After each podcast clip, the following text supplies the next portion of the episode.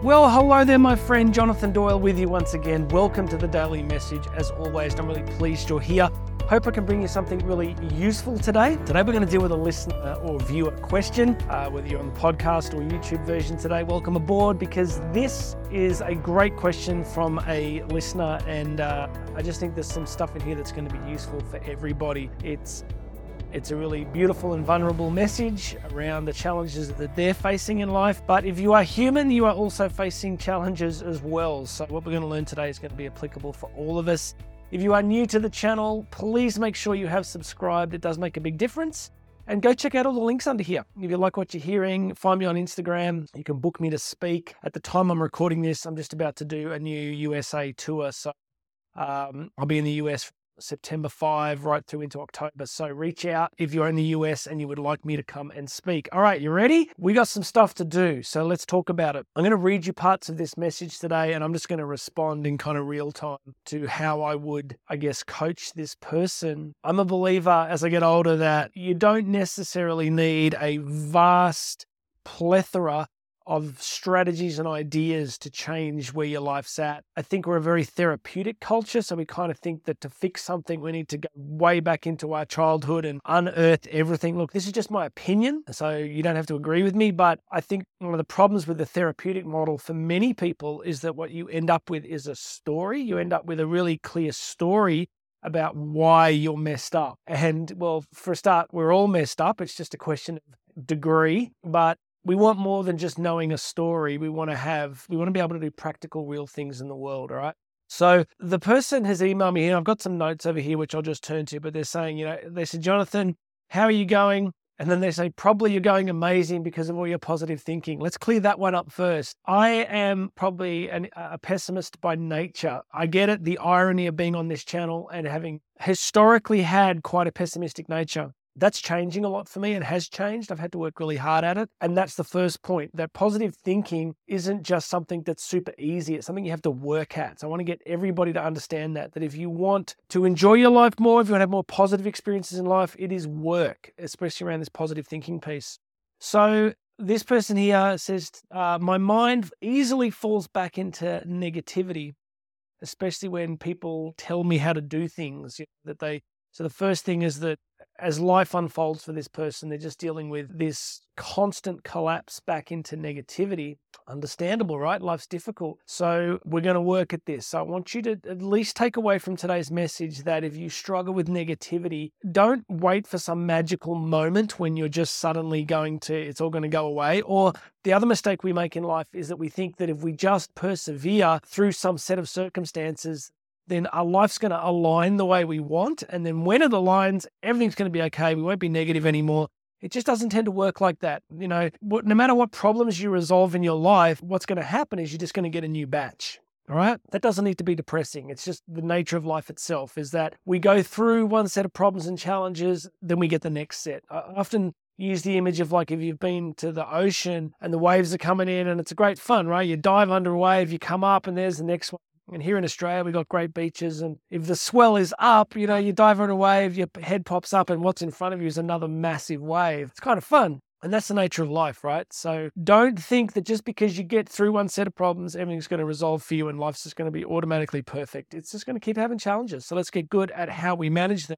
So this person then says that their spouse, the person they are married to, as they fall back into negativity makes them feel really inadequate. And that really resonated, not from my own experience as such, but that line resonated. It really sort of caught my attention because what we want in uh, marriages, for those of us who are married or in serious relationships, is you want somebody on your team who is 90 odd percent of the time in your corner, pushing you forward and really advancing you and, and being your number one cheerleader. Now, I've been married uh, 22 years and my daughter and I were driving the other day and I was talking about Karen, my wife, to my daughter. And I just said, I said, your mum's a boss. Like she's just a complete boss. Like I am Karen's number one cheerleader. And I think I have been for most of our marriage. Early and she talks about this on stage sometimes. Early in our marriage, she, you know, had this huge fear of public speaking. Now she's a global speaker. She's amazing. But early in our marriage, she was so afraid of that. And, and I just kept pushing her forward. I enrolled her in courses that we did together and I kept pushing her forward.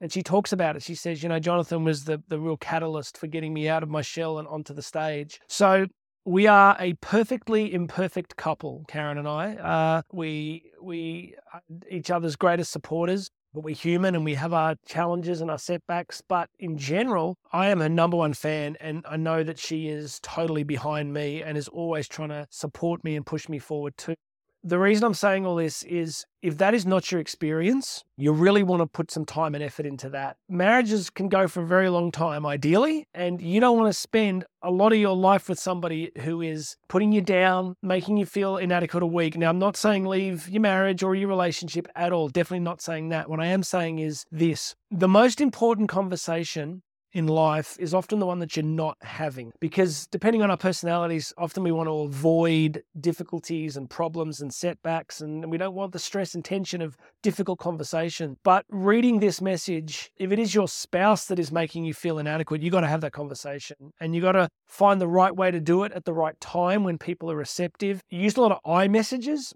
So when you're dealing in a difficult conversation, you want to use I messages. I feel that. You don't want to use messages like you make me feel, you do this to me, because people just get defensive. You want to say, look, I feel that I need a lot more support. I feel inadequate when you do or say X. And you've got to start having that conversation. Maybe it needs possibly an outside facilitator, maybe, but you want to fix this piece. So whether you're in a dating relationship and you're 15, uh, or whether you're 85 in a marriage that's been going for 60 years, you want to sort these ones out. It can be done. I think for me, like in terms of relationships, I just want to be one of those really cool old couples that are totally into each other in their 80s and, you know, beyond. I just admire my wife. I really do. And I want that for other people too. So have those difficult conversations. You know, life is short. You want someone pushing you forward. All right, we've talked about that. So the next thing they say is that when they feel, they say that because of their spouse making them feel inadequate, they collapse into sulking, they give up, they feel useless,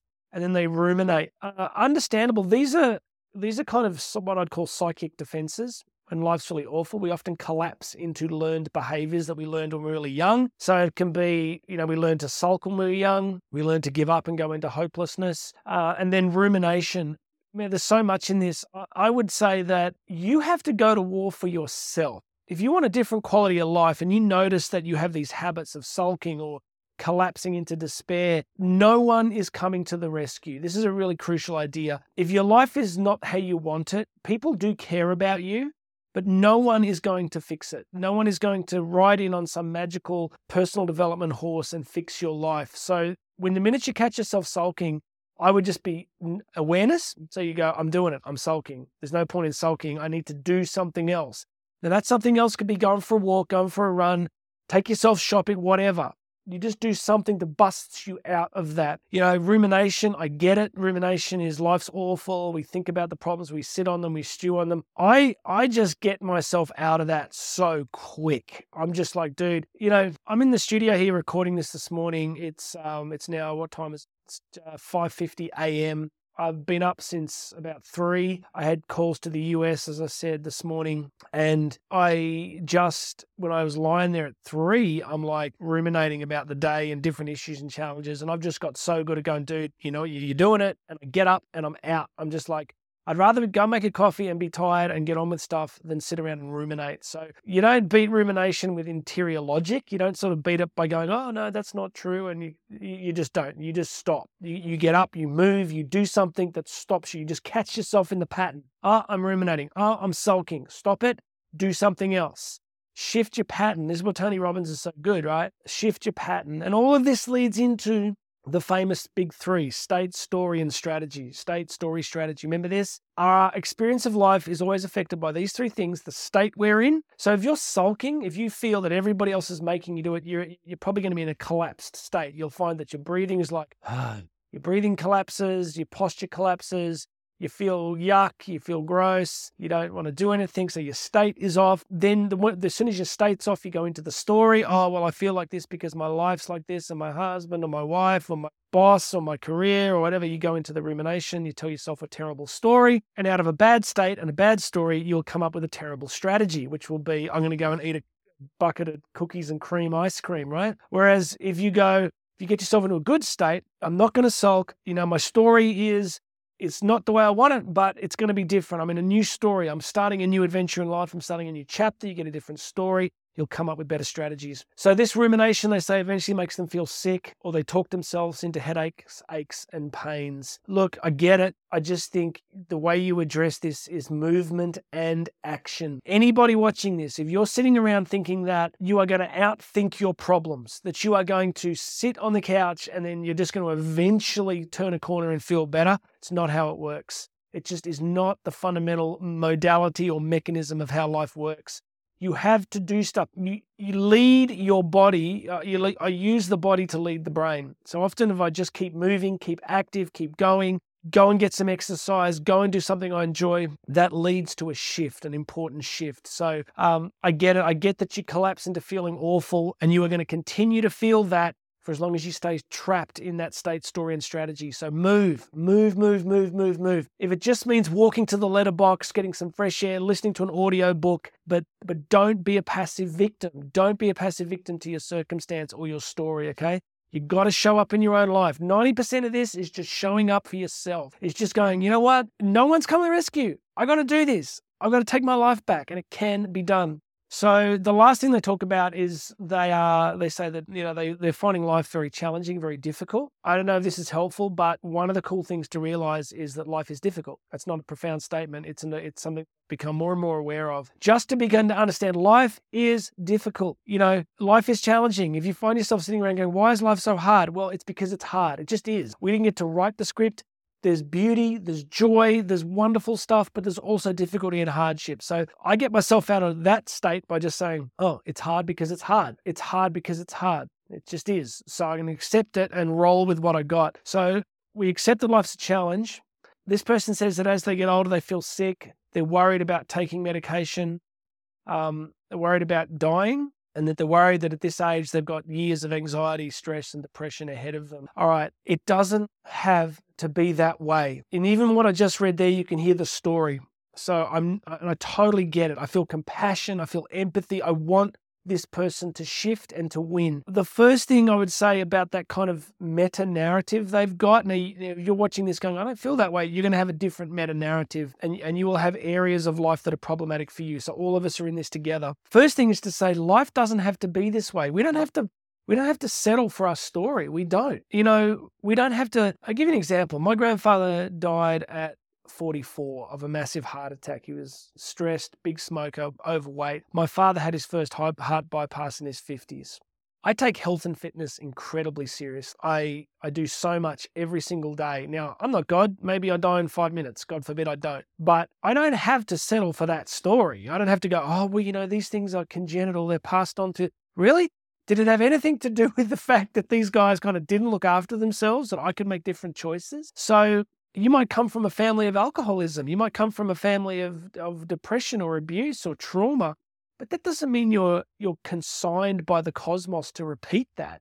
Sure, we, we have aspects of our childhoods and patterns that we learn, but we're not consigned totally to them. So I want to say to this person, you are not destined to live out this pattern that you're talking about. You don't have to be sick. You really don't. You don't have to be sick. And, and we can prove this by saying, you know, this person is writing to me, they're in their 60s. Can we agree that there's 80 year olds in amazing health? Can we agree that there's 90 year olds in amazing health? Is it possible that as you get older, you know, the, do you need medication? Like we, we just sort of assume that as you get older, old people take heaps of pills. Do they need to?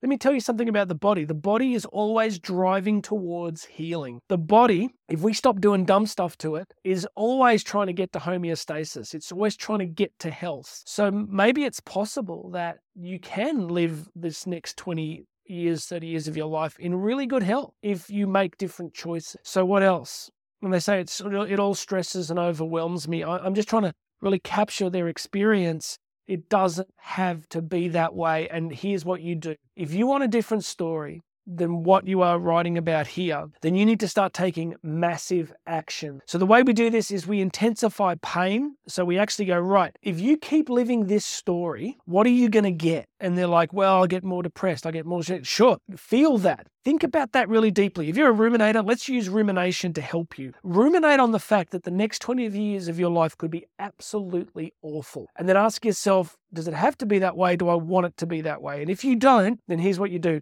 you start taking massive action. What's that action? Personally, it doesn't matter. Just take some. Decide that you're going to run a marathon on your 65th birthday. Oh, that's the craziest thing you've ever heard of. How would I do that? Well, get a coach, jump online, or type in marathon coach, get a coach. Explain to a good coach that you want to run a marathon and that you, you're sick and you're this and you're that, and they will write you a program that will be like, right, day one, walk 100 meters. All right, that's all you got to do for day one. And within 12 months, they'll get you over the line in the marathon. Take up, get a pilot's license, jump out of a plane, whatever. Do something that shifts this story. It is action that will change the outcome. Action changes the outcome. So we've we've got to stop surrendering to these narratives that all of us carry. This person here writing is no different to you and me. They just have a different set of experiences, but they're writing to me because they want change. And if you've got this far in this video, you're watching because you want change. What are the elements of change? State, fix your state. Yeah, look, I'm tired right now. I haven't slept a lot. I take sleep really seriously, so I'm not glorifying being tired, but I'm going to go and train in a minute. I'm going to do a bike session. I'm going to eat well today.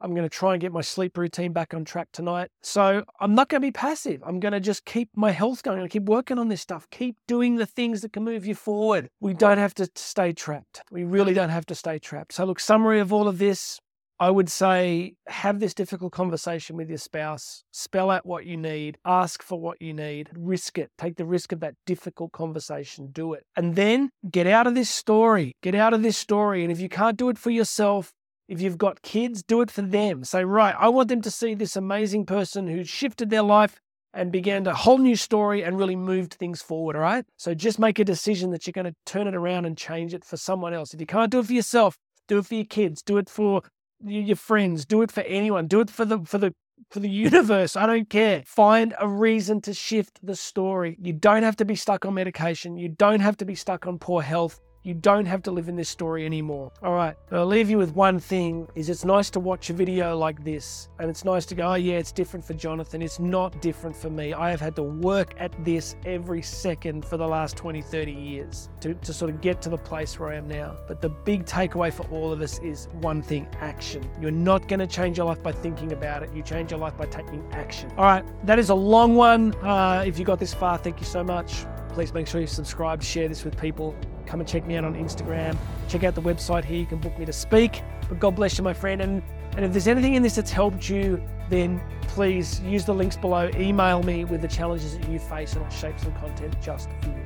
All right, God bless everybody. My name is Jonathan Doyle. This has been the Daily Message. You are meant for greatness. You are meant for destiny and purpose. Your life is not over, it is just beginning. God bless. I have another message for you tomorrow.